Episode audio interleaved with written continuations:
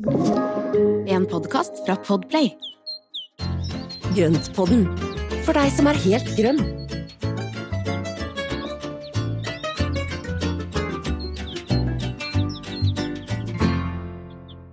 Hallo alle sammen, velkommen til Grøntpodden enda en gang. Hei, Espen. Hei. hei, hei. Nå er det jo endelig sommer igjen, og nå er det veldig, veldig gøy, altså. Så nå, Ja. nå er det veldig gøy å være tilbake, for nå føles det at det er liksom hagelivet begynner å liksom boble i uh, magen igjen. Mm. Ja, det var en veldig kort vinter. Vi sier takk for det. Nå gleder vi oss til en ny, lang sommer. Sant det? Mm. Deilig. Her er det kjempevarmt. Altså, jeg må åpne vinduet, tror jeg, underveis i opptaket her, sånn, fordi at det er varmt på rommet. Det er helt utrolig. Ja, men det er jo fantastisk. Mm, Helt nydelig. Åh, deilig. Sensommer, Indian summer, helt nydelig. Abs absolutt Mm. noe vi, vi heier på. Ja. Men du, du er litt slapp og, men blid, eh, og sånn er det når man, for, når man fortsatt har eh, 100 baller i lufta og kjører på. Ehm, men i dag er du ganske fokusert på temaet, for det her er jo veldig i sesong, dette vi skal Ja. snakke om i dag. Det er nemlig Mm. frøsanking, folkens. For det her er aktuelt akkurat nå. Kanskje Ja. litt før, har kanskje vært litt aktuelt før også, men det er ikke, ikke minst eh, aktuelt nå, da. Nå også på, på, på tampen av sesongen. Så eh, er det mye vi kan lære om det, og Espen, han er eksperten. Nå ble Espen veldig flau fordi at jeg kalte han ekspert. Men altså, Ja. det, det er jo ikke jeg som er ekspert, så hvis noen skal være eksperten i den poden her, så må det jo være deg, Espen. Én må ta den rollen, og det er deg. Jeg kjenner at jeg rødmer, skjønner du. Det er det, er det som er Særlig svinger Ja. mot hvit T-skjorte. det er helt sant. Uff ja. meg. Ja, sånn er det. Men du, skal vi Mm. begynne med liksom, det grunnleggende spørsmålet, da. Hvorfor skal Mm. vi sanke frø? Ja, hvorfor ikke? Ja, takk. Det var, var det svaret. Da går vi videre. Nei, du må gi oss litt mer svar enn det. Ja, nei, jeg skal gjøre det. Nei, jeg tenker det at det å sanke frø, det er, eh, det er så mange gode årsaker til det. For det, det ene er at det er en økonomisk side. Man kan da Mhm. få, eh, altså få frø til en rimelig penge. Eh, Man kan gi det bort i gaver. Man kan Ja. dele med seg til andre som ikke har de plantene du har. Og så er det gøy.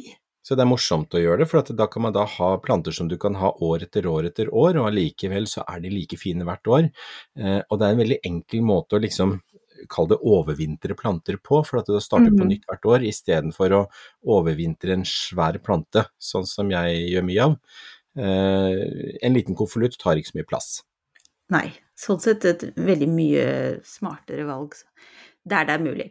En Ja. Ting jeg har tenkt på, er også det at da, det kan jo være en del planter som man kanskje ikke så lett finner i handelen lenger, hvis man har noen, Mm. gamle, noen gamle planter. Så derfor så er det fint å beholde, beholde dem gjennom frø. Og også kanskje at man da vet Man vet jo hva man får. Ja. Med, med mindre det er en hybrid, så klart. Ja, Da- ikke ja. sant. Og det er jo noe som vi bare kan si med en gang. De plantene, altså det er ofte så er det en del blomstrende, altså sommerblomster og grønnsaker som er det man kaller F1-hybrider. Og der har du en mor og en far som har en kontrollert krysning som gir et avkom. Hvis du tar, tar frø av det avkommet som vi da dyrker, så er det liksom, da har humler og bier virra rundt, og så har de liksom pollinert her og der, og da vet man ikke hva man får ut som resultat etterpå. Mm. Skal vi gå videre, da? Nei, ikke helt. Det er jo flere årsaker, da. For at det er jo også dette her med arveplantene våre. Mm. Eh, og det er jo noen, som du sier, at de plantene som ikke du kan få tak i i handelen, men det er jo også noen som har veldig mye sånne, altså ikke, hva heter det, i sånn um, affeksjonsverdi. Mm. Det er en viktig ting, syns jeg. For at det å vite at du har frø fra en plante som har gått kanskje gjennom flere generasjoner, du har det fra familie, du har det fra venner som har betydd noe spesielt, eller en reise du var på, eh, så, så er det noe helt spesielt med de frøene. Og det hjelper ikke at man kan kjøpe de samme frøene i butikken. Mm. Så er affeksjonsverdien. Ja, men det er viktig. Absolutt. Godt svar. Da går jeg videre. Mm. For hva slags frø er det vi skal sanke? Kan, vi, kan alt sankes? Altså, eh, ja, er, er det uendelig med muligheter, eller er det, er det som Kan du fortelle oss, hva skal vi sanke? Ja, det er litt forskjellig. Det er eh, altså en del sommerblomster klipper vi jo av blomsterhodene fortløpende på for at de ikke skal sette frø. Det er jo rett og slett for at vi ønsker så lang blomstring som mulig. Eh, så det vi da kan gjøre nå allerede, altså egentlig allerede nå, før det begynner å liksom nærme seg frosten, er at vi da plukker oss ut noen sterke, gode planter som vi tenker at her skal de få lov å utvikle frøene, og så får de da noen uker på å utvikle frø på de plantene som, eh, som man da ønsker seg å ha videre. Mm. Men det er jo også litt avhengig av hvilken plantesort du har, for det er ikke alle planter som setter frø. Noen er jo Altså, det finnes jo hann- og hunnplanter. Noen ganger så har man bare kanskje en hannplante eller bare en hunnplante, og da blir det ikke frø av det. Eh, noen er selvpollinerende, og da blir det nesten frø uansett. Så det er liksom mange ting som spiller inn, men det man må se, det er at der hvor blomsten har sittet, der vil det utvikle seg noe frø hvis det blir frø. Så man mm. må egentlig gå og se etter der hvor blomsterhodet satt, og så se under, se oppi. Er det kurvblomster, så har de sånne frø som står opp, rett opp og ned inni der. Sånn som tagetes eller, eller kosmos f.eks., som er veldig lette å sanke frø fra. Mm. Eh, men så er det andre som danner frøkapsler, sånn som noen stauder, som porselensanemone eller eh, en del pioner. Og eh, der vil jo frøkapselen sprekke opp når frøene er klare. Ja. Så det er litt sånn vi må bare holde ja, ja. så vi må bare holde et lite øye med liksom plantene vi har lyst til å ta frø av. Mm. Altså jeg så at du hadde et bilde på Instagram for en, ja, ikke så lenge siden, men i hvert fall lenge nok til at jeg etter det har testa sjøl. Og det var at du, det var sånn Og her på klokkeranken min så det, kommer det gode frø. Og så har jeg vært og sett på min, kommer ingenting. Er ja. det da pga. hun og han og alt det der? Nei, akkurat klokkeranken så tror jeg ikke det er det. Men uh, der er det rett og slett fordi det er ikke alle blomstene som blir bestøva og, og, vil danne en frøkapsel. Uh, og akkurat på klokkeranka så er det lang utviklingstid for, altså for frøene. Mm. Så det mm. betyr at du, hvis den begynner å sette frø nå, altså den frøkapselen etter blomstringa begynner å vokse nå, så mm. vil den antageligvis ikke rekke å bli ferdig til frosten kommer. Eh, hos meg så begynte de første frøkapslene å utvikle seg sånn i, i midten av juli. Mm. Hvor jeg da kunne se, og Det betyr at de har hatt hele resten av juli, hele august og nå hele september på å få frøene til å bli modne og fine, slik at jeg kan ta den inn og tørke den senere. Mm. Ja, så Hos meg er det ikke antydning til noen ting, sent eller Nei. tidlig. Det er bare ikke noe helt dødt. Ja. Sånn er det. Men da satser vi på at, eh, at, det blir masse fine frø som jeg har, som du kan få av meg. det var egentlig da løser vi det. det jeg tenkte å komme fram til, da. Men en, en, jeg har tatt frø så langt av to ting, og det er egentlig helt tilfeldig. Jeg bare kom over det. Og det ene er eh, erteblomstene mine. Som jeg nå har begynt å la gå litt i frø, fordi at eh, nå er det så mange fine mer sånn høstlige blomster som jeg merker at jeg plukker mer av. Mm. Sorry, men sånn er det. Så, men, så det. Og der er jeg litt spent på hvordan det går. Men også eh, blårein. Ja, spennende. Ja, så det Vi får se. Hvis, noen, hvis du trenger blårein, Espen, så får du bare si fra. Jeg, har ikke, jeg, har ikke, jeg vet ikke hvor jeg skal ha det, men det var bare så gøy å kunne plukke det. Ja, men det er jo det, og det er jo det som er så morsomt med frø, at det, uansett om man skal, har, trenger det eller ikke, så er det gøy å plukke det, det er gøy å prøve, det er gøy å gi bort. Altså Se på den valnøttene som jeg fikk av deg i fjor, som da er blitt, eh, altså blitt da kjempefint valnøttre her i hagen. Mm. Det er jo noe spesielt med det, for at du viderefører jo den der, ja, de, de hyggelige plantene. Kan du si noe om grupperinger? Altså sånn, for jeg tenker på, jeg, jeg blir helt forvirra, for valnøtter er liksom my kind of uh, frø, for det er gedigent og syns veldig mm. godt. Men det er jo for vi har, det er jo masse, altså det er jo frø da fra, det er jo fra tre. Og så ja. har du frø fra stauder. Hva, hva mm. kan, er det liksom Er det lurt å vite hva slags type plante du har å forholde deg til? Det er lurt. Og, og, når du nevner stauder, så er det veldig lurt å tenke seg det at staudene de er vant til å stå ute, de trenger stratifisering, dvs. Si vinterhvile. Altså frøene trenger å komme ned i jorda, eh, og de må hvile. Og noen krever jo også at du sår ferske frø. Altså hvis du overvintrer i en pose inne i en skuff, så er det ikke sikkert at de er spiredyktige til våren. Så det er greit å sjekke ut de forskjellige plantesortene man har, fordi da er det mye lettere å kunne vite hva er det som eh, Altså hvilket, hvilken behandling skal de ha. Og sånn som her hos meg, så tenker jeg at alle staudene som jeg har, de tar jeg da, eller som setter frø, da. Der tar jeg når frøkapselen åpner seg, så tar jeg da frøene og så rafser jeg de ned i jorda akkurat rundt morplanta. For da vet jeg selv. Jeg husker jo ikke så veldig godt hvor jeg putter ting her i hagen, og det, altså jeg må jo se bladene, og så tenker jeg å, der er du. Men det som er at når jeg da rafser de frøene nedi rundt morplanta, så vet jeg at rundt her så vil det komme opp småplanter. Uh, og jeg har jo da en Jeffersonia dubi, nå, nå heter den jo annet nå har de bytta navn på den. Uh, hva heter det? Plagior hegma dubia heter den nå. Uh, Altså, jeg skjønner ikke hvorfor de skal bytte navn når man har lært seg noe. den hadde vi som utgangsplanter, husker du det? For ja, jeg husker at vi snakka om den dumme navneforandringen. Ja. Nemlig. Og det, har, det, er den som har de nydelige lyseblå blomstene tidlig på våren, og så kommer bladverket etterpå. Så mm. drysser frøene ned sånn ut på sensommeren en gang. Men det som jeg da gjør, altså da sørger jeg for at de frøene ligger rundt morplanta, så i år så kommer det opp masse frøplanter fra, som jeg sådde i fjor.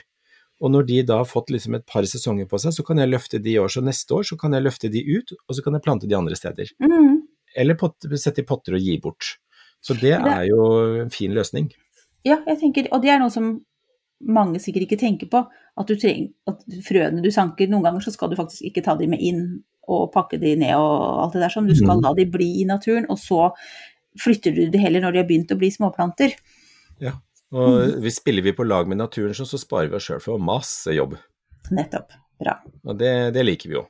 Så, så, det er liksom staudebiten av det. Men, eh, og da, da, får de jo den naturlige syklusen som også er i årstidene. Men så har du jo også da disse sommerblomstene som ikke tåler frost. Uh, altså ref klokkeranke, den må jo inn før frosten kommer. Uh, og det samme gjelder jo, eller noen vil jo overvintre, da, men i stor grad så gjelder det også Tagetes og, Kosmos og, og, alle disse andre her, som egentlig er veldig fine å plukke inn. Men da er det om å gjøre at frøkapslene får lov å utvikle seg så lenge som mulig før du plukker de. For at da blir frøene mest, mest mulig utvikla og dermed spiredyktig. Så det, det, henger jo litt sånn, for jeg får jo noen ganger spørsmål, liksom, noen som har plukka av en blomst, og så sier de hei, kan dette bli frø? Og det gjør det ikke, for den trenger den tiden etterpå til å liksom utvikle seg og, og få alle kreftene inn i de, de frøene som skal, skal, spire neste år. Nei, men det er kjempelurt å tenke på. Og, altså, sånn som du sier, nå vet vi forskjellen på staudene, hvordan de oppfører seg, hvordan det er best å håndtere de frøene, og sommerblomstene. Eh, finner du en valnøtt, så er det bare å plukke den i lomma og skynde deg hjem igjen. Eh, men jeg tenkte at eh, vi om to strakser skal snakke om selve sankingen, ja. Av da disse ja. frøene vi skal, skal ta med oss inn. Vi i Rema 1000 kutter igjen prisene. Nå på en mengde påskefavoritter. F.eks. kutter vi minst 25% på gourmetstykket fra Hatting, 150 gram bacon fra Nordfjord, rett i koppensuppe fra Toro og andre påskefavoritter. Alt dette og enda flere priskutt på minst 25 For det er sluttsummen på påskehandelen som teller. Og husk at vi fortsatt har fryst prisen på over 1000 varer. Kiwi er billigst i VGs matbørs og har vært billigst i fire av de fem siste VGs matbørser. Og nå har vi billige parti- og sesongvarer til påske. På 6 ganger halvannen liter Coca-Cola Zero setter vi prisen til 79 pluss pann. På 600 gram Folkets Burger Big Pack setter vi prisen til 79. På 650 gram Lerøy helside laksefilet i aluminiumsform setter vi prisen til 169. For det er vi som er prispresserne. Og vi i Kiwi gir oss aldri på pris.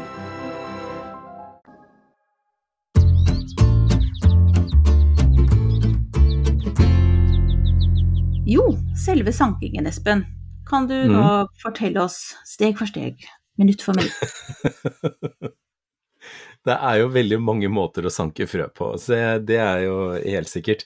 Men det som, jeg, altså det som er da, det er at når du har da bitte, bitte, bitte små frø, noen frø er jo altså mikroskopiske, så det man kan gjøre, det er jo f.eks. å knytte på en liten tøypose, en liten sånn uh, gassbindpose, eller bare pakke inn i gassbind og så snurre rundt stilken det er en mulighet til å liksom holde, holde, litt styr på det, at ikke de bare blåser over ende og vaier og forsvinner i, i, i bedene. Ja, forsvinner ut, um, ja, og det er veldig fort gjort. Jeg har jo vært og lett etter, etter noen sånn salviefrø nå i siste, og der har jo alle frøene har jo hoppa ut av kapslene og ramla ned mellom sprinklene på terrassen. Jeg, jeg, finner jo ikke igjen, så nå må jeg liksom begynne å lete litt etter nye frø på Det har en sånn rødsalvie Um, men så er det jo også det med å ta frøene inn hvis det er veldig mye Eller frøkapslene inn hvis det er veldig mye regn. Fordi at hvis det er fryktelig mye regn og veldig fuktig over lang tid, så vil man, altså frøene heller mugne og råtne enn å utvikle seg riktig. Så det er liksom, man må tenke litt på været. Eh, og når man ser at de har begynt å utvikle seg ordentlig, så kan man da klippe av, ta med en god stilk på, på, på, under frøkapselen, og så kan man da binde de opp, henge de opp ned, lufte de tørt, og la de tørke. Men da må de først ha vært godt utvikla, som du sier. Og det er, ja. altså, ref, det med 'dette er en blomst, blir det frø av dette', det er litt for tidlig mm. stadium. Du må vente til ja. du ser at det er i gang ordentlig med frø. Ja, og jo lengre man klarer å vente til, eh, altså mens frøene utvikler seg, jo bedre resultat vil du få med spiringa neste år. Mm. Altså dette er tommelfingerregelen. Ja, fordi ref. blåregn. Så spurte jo jeg deg, for der hadde jeg noen av disse, de er jo så fantastiske, disse frøhusene, hva skal man kalle det, det henger jo ned ja, sånne belg. belger. belger. Yes. Mm. Kjempe, og så er det sånn litt sånn, der, sånn flossa. Åh, det er så godt å ta på den. Men i hvert fall. Og da det, hadde jeg noen som var grønne. Og så, så, spurte jeg skal jeg ta dem inn. Nei, la dem henge, sier du. Og så fant jeg jo en sånn brun en eh, etterpå. Mm. Og den er jo super, og nå har jeg lagt den inn, og den ligger og tørker. Men ja, så med mindre det regner fryktelig mye, så er det greit å la dem henge til de blir brune, eller? Ja, og ta de inn før frosten kommer. Eh, I hvert fall på sommerblomster og de som ikke tåler frost, så bør de inn før frosten kommer. Og det er sånn som med klokkeranka, hvis frosten kommer og tar de frøkapslene som er grønne, så er de ødelagt.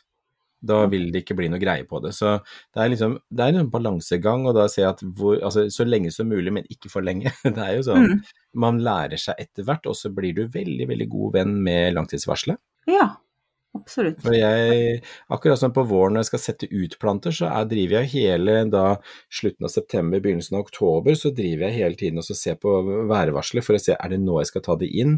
For jeg vil jo at plantene skal stå ute så lenge som mulig og, og, ha det bra så lenge som mulig. Men det å ta de inn da rett før, før det blir for kaldt. Så jeg holder øye med temperaturen like så mye på, på sent på, høst, på høsten som jeg gjør på våren. Og det her er jo noe av det som er så sentralt i holdet på med hage eller planter, er jo det at det er som ikke noe lettvint sånn fasit at uh, september den 30., da skal man sanke frø. Altså det er ikke noe sånn, man må liksom følge med og være litt i ett med naturen. og liksom Kjenne ja, etter når det er riktig, å ta noen sjanser. Og tror jeg, nå tror jeg det er, er riktig tidspunkt, og så, og så, lærer man av det, som du sier. Og mm. noen ganger så er det jo liksom bare fordi at været det året har vært litt spesielt, så kan det være vanskelig. Andre mm. ganger så er det kjempelett. Så det er bare noe vi får liksom ta som en del av det med å, å holde på med planter. Ja. Eh, men jeg har et spørsmål fra mannen min. Mm. Det, og det mm. er at vi, for han jobber intenst for å Vi har jo på en måte en slags sånn eh, blomstereng, men vi vil gjerne at den skal bli litt mer spenstig. Og så ute på åkeren, der nå har de endelig tatt eh, rapsen. Eh, så nå dukket det plutselig opp noen sånne de der små røde valmuene. Å, de er så fine. De er kjempesøte, så sier Morten da, men kan vi, kan vi, skal vi grave dem opp og flytte dem inn? Og, og så sa jeg, men nei, men la meg, la meg, høre med Espen om vi kanskje kan sanke noen frø istedenfor. Det er frø på For de store, de store valmuene jeg har i hagen, er jo skikkelig, blir jo skikkelig sånne frøhus på. Så går det an ja. å gjøre det samme med de, de små? Får det de gjør det. Og, ja, ja. Og det som er med de, de kornvalmuene, eller de som står ute på åkeren der, de er jo ettårige planter. Så de, de, dør jo gjerne når frosten kommer, så, så, det hjelper ikke å flytte den inn. Da vil du få blomstringa i år, og så vil de frø seg på samme stedet, og så kommer det opp nye neste år. Så mm. det som dere bør gjøre, det er å følge med der når frøhusene begynner å bli litt størrelse på. De blir jo aldri store på de små valmene der. Men når de da blir litt større og grønne, og så på et tidspunkt så blir de litt brunere, eh, og så sprekker de i toppen, så den kransen i toppen den bare den åpner seg, og da vaier det i vinden, og så sprer den frøene rundt ja. seg. Mm. Eh, og det er jo en av, det er måten den, de valmuene tar også, også, også, sprer seg på. Mm. Det å ta vare på frø er kjempefint. og Da er det bare å ta med seg kaffefilter og så drysse da, altså disse kapslene oppi der, mm. og så mm. brette sammen det å ta med seg hjem igjen. Bra. Men da skal vi gjøre det. Så hvis naboene ser to personer som virrer rundt på en åker så, så er det bare oss.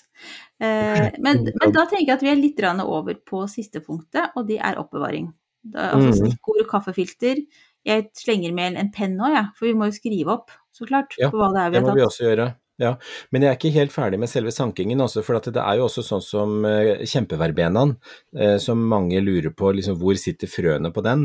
Og det er jo i alle de lagene der hvor blomstringen har vært. Så det å da klipp, klippe av gode stilker av den, sette på, altså, sette på en strikk eller hyssing rundt, rundt stilkene, og så henge opp en bunt, og så gjerne legge noe papir, hvitt papir under er veldig lurt, for da ser du når ting drysser av. Mm. Eh, og det å, alle frøene som jeg har til, eh, til, tørking, de legger jeg på et lite hvitt papir, eller på et A4-papir som jeg bretter ja. opp kantene på. Smart. Og så legger jeg det der, og så vender jeg på det. Hvis ikke de henger over papiret, så tar jeg og vender på de eh, i hvert fall en gang om dagen, for da vil det hele tiden tørke, og så vil jeg dunke litt og riste litt på det, og så vil frøene da drysse ned på, eh, på, eh, på papiret, og da er de lett å se. Så blåser bort da de der tynne, altså det småtteriet og rusket som er ved siden av, og så får frøene over i kaffefilter. Mm. Mm. Når du sier at man liksom skal plukke inn en, en slags bukett, så syns jeg det er et hån mot oss som kanskje har tre stykker. Oh, ja.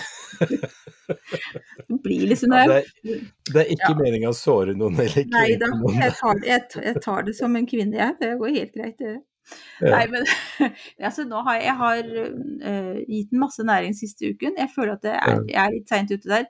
For når du begynner å snakke om det her nå, at vi skal ta det inn, når, det jeg skal, når skal jeg gjøre det? da? Kanskje jeg heller skulle satse på å- neste sesong? Skal jeg ta inn dem nå?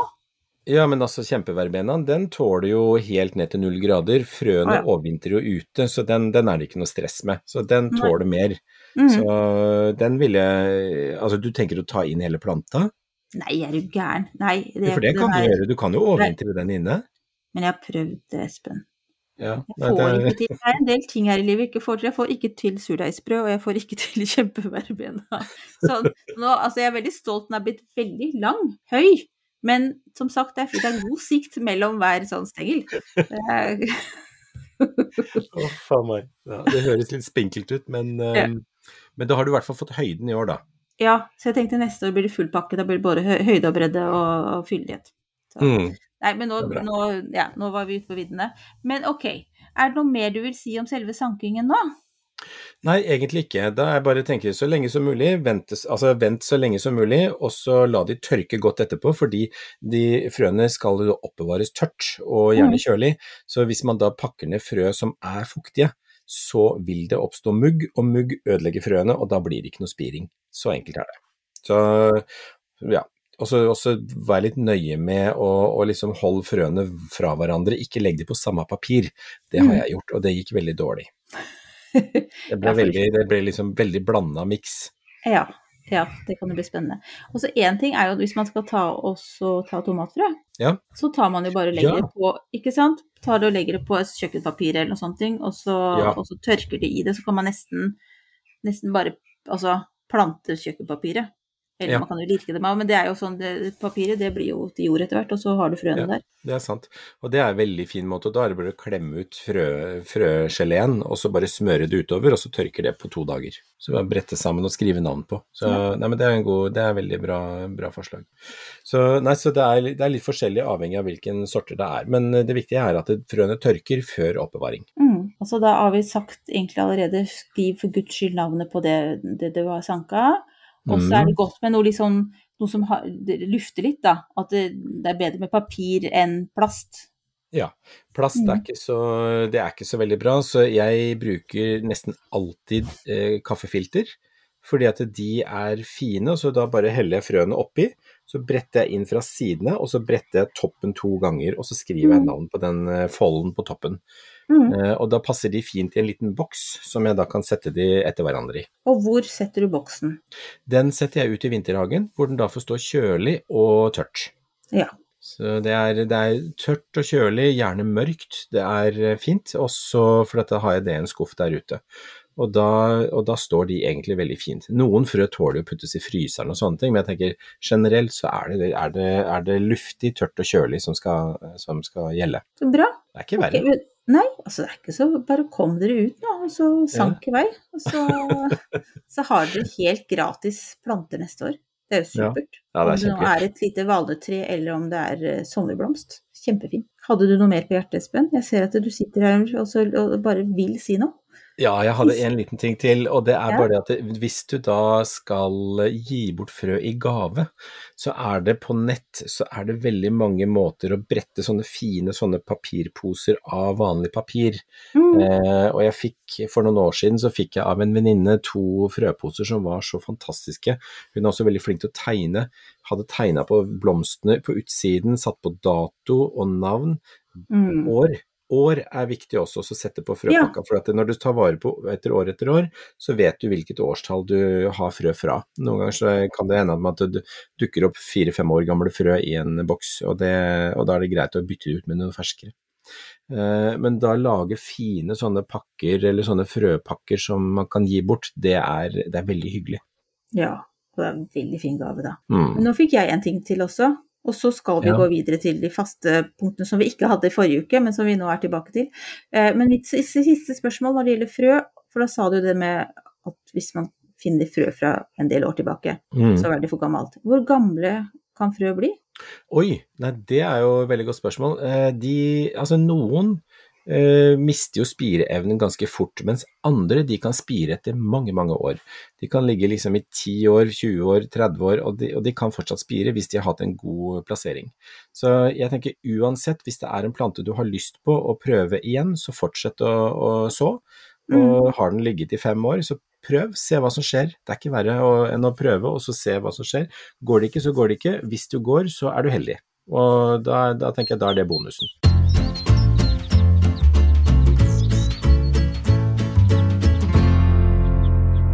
Yes, Espen. Da er det Mm. altså eh, først, sesongens første plante. Ukas plante. Ja. ja. Vær så god. Takk. Og i dag så har jeg plukket ut Budleia davidii.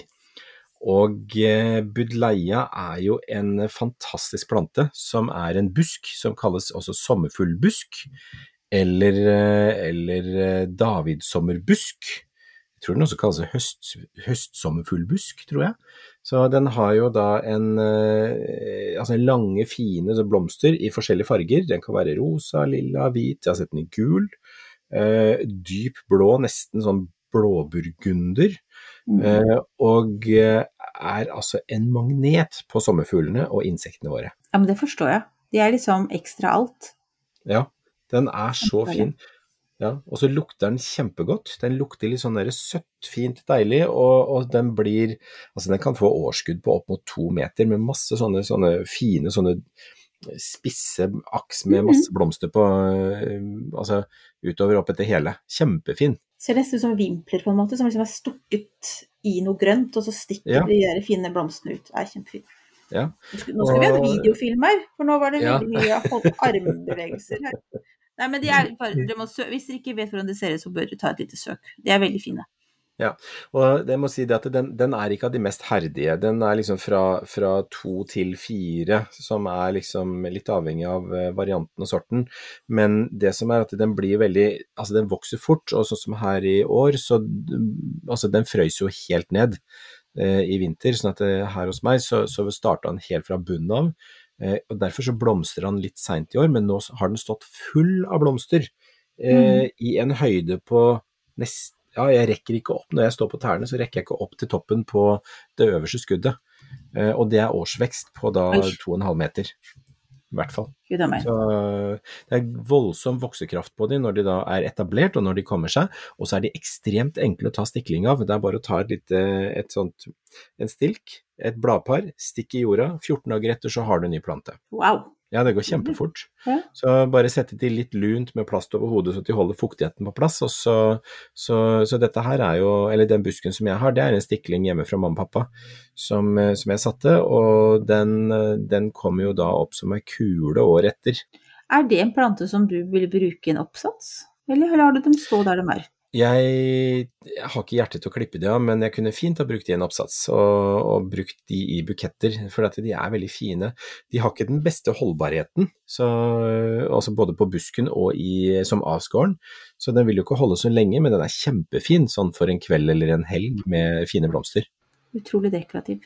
Ja, ok, så fint. Da har vi tatt sommerfuglbusken. mm. Eh, og så skal vi over til noe som ikke er så lekkert, da.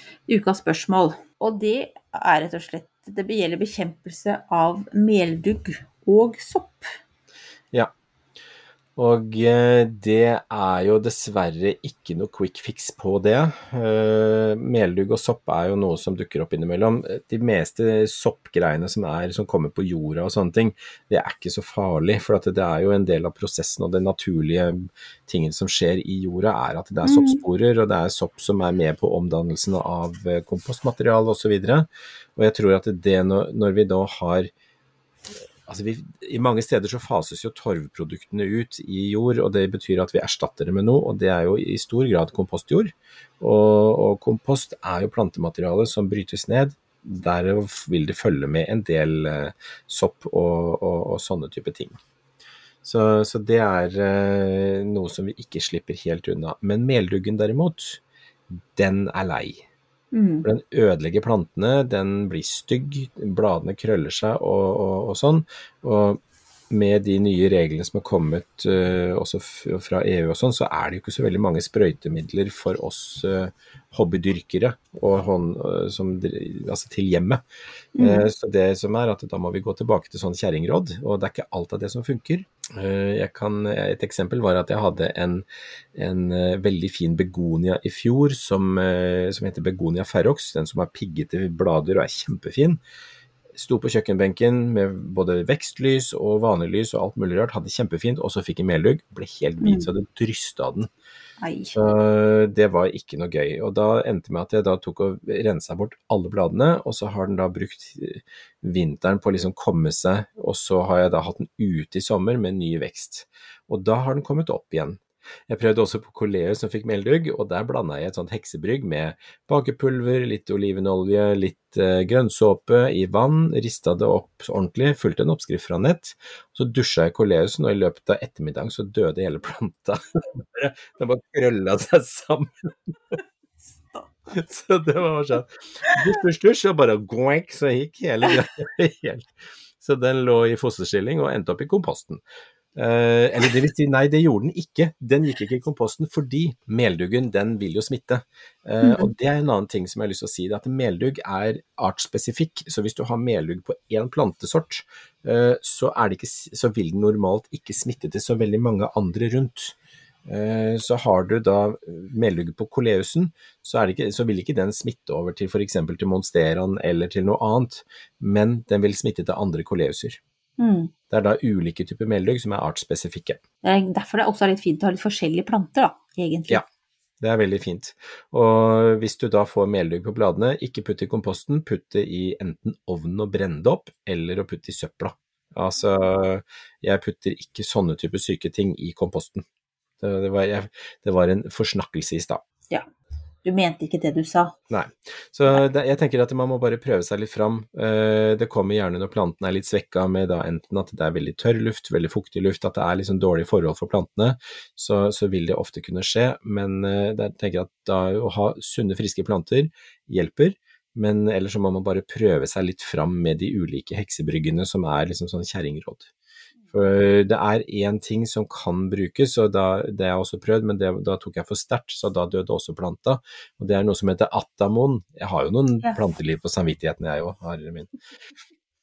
Men eh, det har jo vært i beste mening, da. Så da prøvde jeg noe som heter atamon, som er et, eh, et eh, tilsetningsstoff til mat.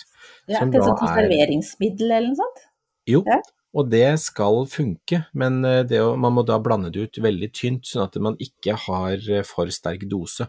For jeg mm. tror jeg blanda litt for mye Atamon oppi, og så, og så liksom Jeg fikk følelsen av at bladene ble svidd. Ah, ja. okay. så, oh. så, det er ikke så bra. Nei. Så derfor så forsiktig med en liten dråpe med Atamon, og så gjenta behandlingen, så kan det hende at det også kan fungere. Så, men jeg har ikke noe sånn fasit på det, altså. Det er, man må bare teste sjøl. Nei, det her er noe som vi alle sliter med, mer eller mindre. Det, det, det rammer de fleste en eller annen gang, men uh, ja. Skjer i de beste familier. Skjer i de beste familier. Men du, la oss gå videre. Nå skal vi snart runde av, men før det så vil jeg gjerne høre hva du holder på med nå. Ja, nå så er det rett og slett gå og pusle i hagen og prøve å få utnytta de der gode soldagene eller solettermiddagene etter jobb og gå ut og liksom klippe litt visne georginer, jakte snegler. Eh, og prøve å, jage bort litt sånn, eh, sånn um, saksedyr som spiser eh, georginene, blomstene mine. Mm. Eh, og sånn, så, og så, er det det å liksom prøve å holde styr på ting, at det også støtte opp underveis. At ikke ting blir nå i Altså når det nå blir enda mer regn og enda mer liksom tynnere veksthit og topp, altså topptunge planter med store blomsterhoder, at, det, at, de får støtte sånn at ikke de kollapser. Mm. Uh, så det, også så, så, driver jeg nå også og forbereder hagen litt, for at jeg er så heldig at jeg får besøk av God morgen Norge om ikke så lenge. Uh -huh.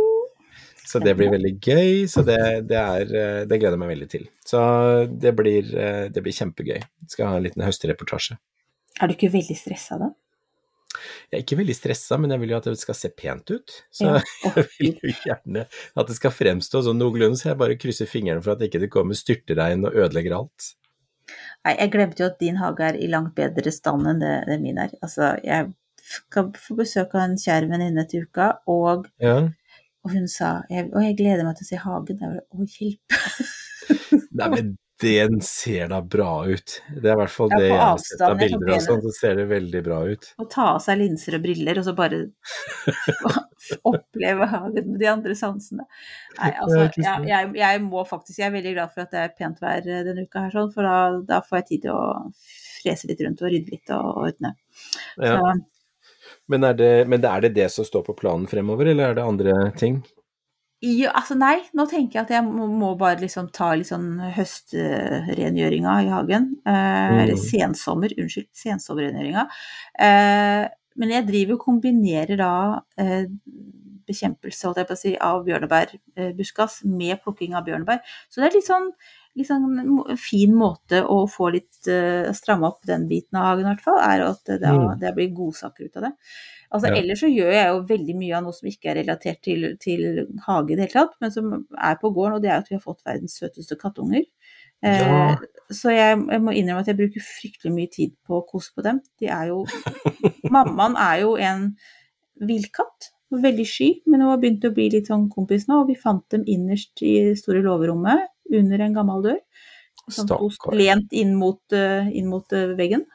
Så vi har mm. liksom nå fått dem over inn i stallen, ligger på et godt pledd, og nå begynner de å bli store, nå er de kjempefestlige. Så, så, ja. Men det er også Og de skal få lov til å bli hos oss. Vi finner ikke noe eier, så hun var nok vill. Så, så nå har vi fått, plutselig fått tre nye katter. Så, så, så det er liksom Ja, så det kommer til å være mye action i, i hagen da fremover, tenker jeg, med disse nye. Ja. Det er Bella og Mons, og så er det mamma Mia. Har vi gitt en navn. mamma ja. Mia. ja. Det er fantastisk. Mm. Men dyr er jo også en del av hagen eller uteplassen og uterommet, så det er jo sånn sett så gleder jeg meg til å se dem løpe rundt i gresset og kose seg. Ja. Ja. det blir herlig.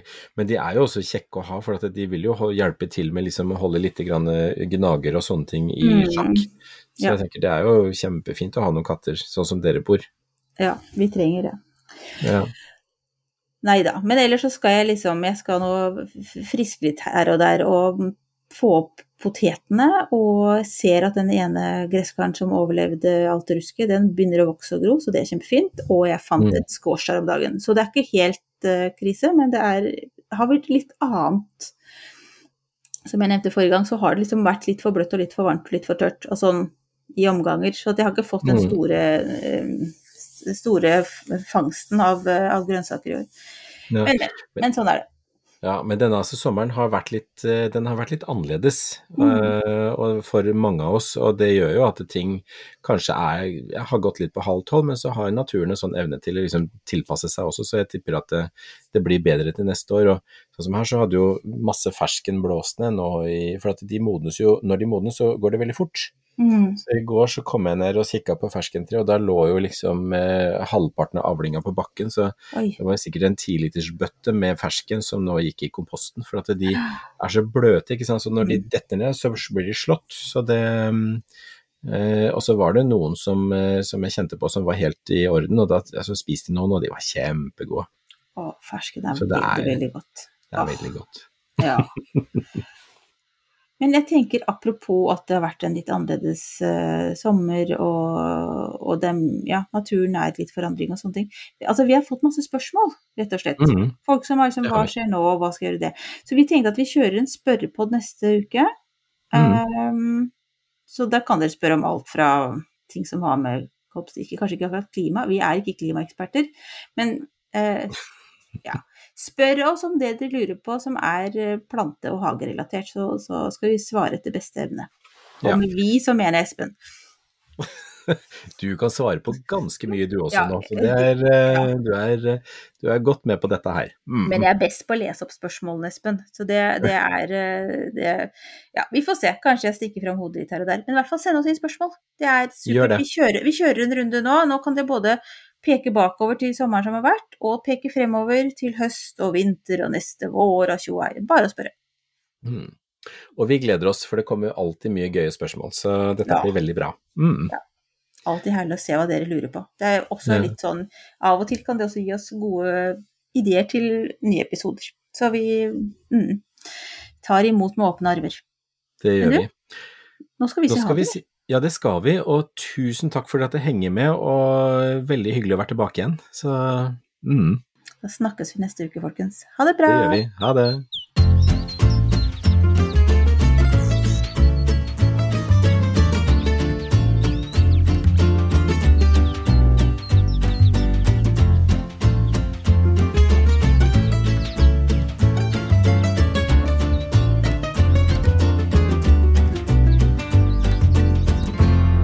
Du har hørt en podkast fra Podplay. En enklere måte å høre podkast på. Last ned appen Podplay, eller se podplay.no. Kiwi er billigst i VGs matbørs og har vært billigst i fire av de fem siste VGs matbørser. Og nå presser vi prisen på påskevarer fram til 1. april. På 591 gram Toro vaffelmiks presser vi prisen fra 35,90 helt ned til 29,90. Og 410 gram Lerum jordbærsyltetøy presser vi prisen fra 29,40 helt ned til 22,90. For det er vi som er prispresserne. Og vi i Kiwi gir oss aldri på pris.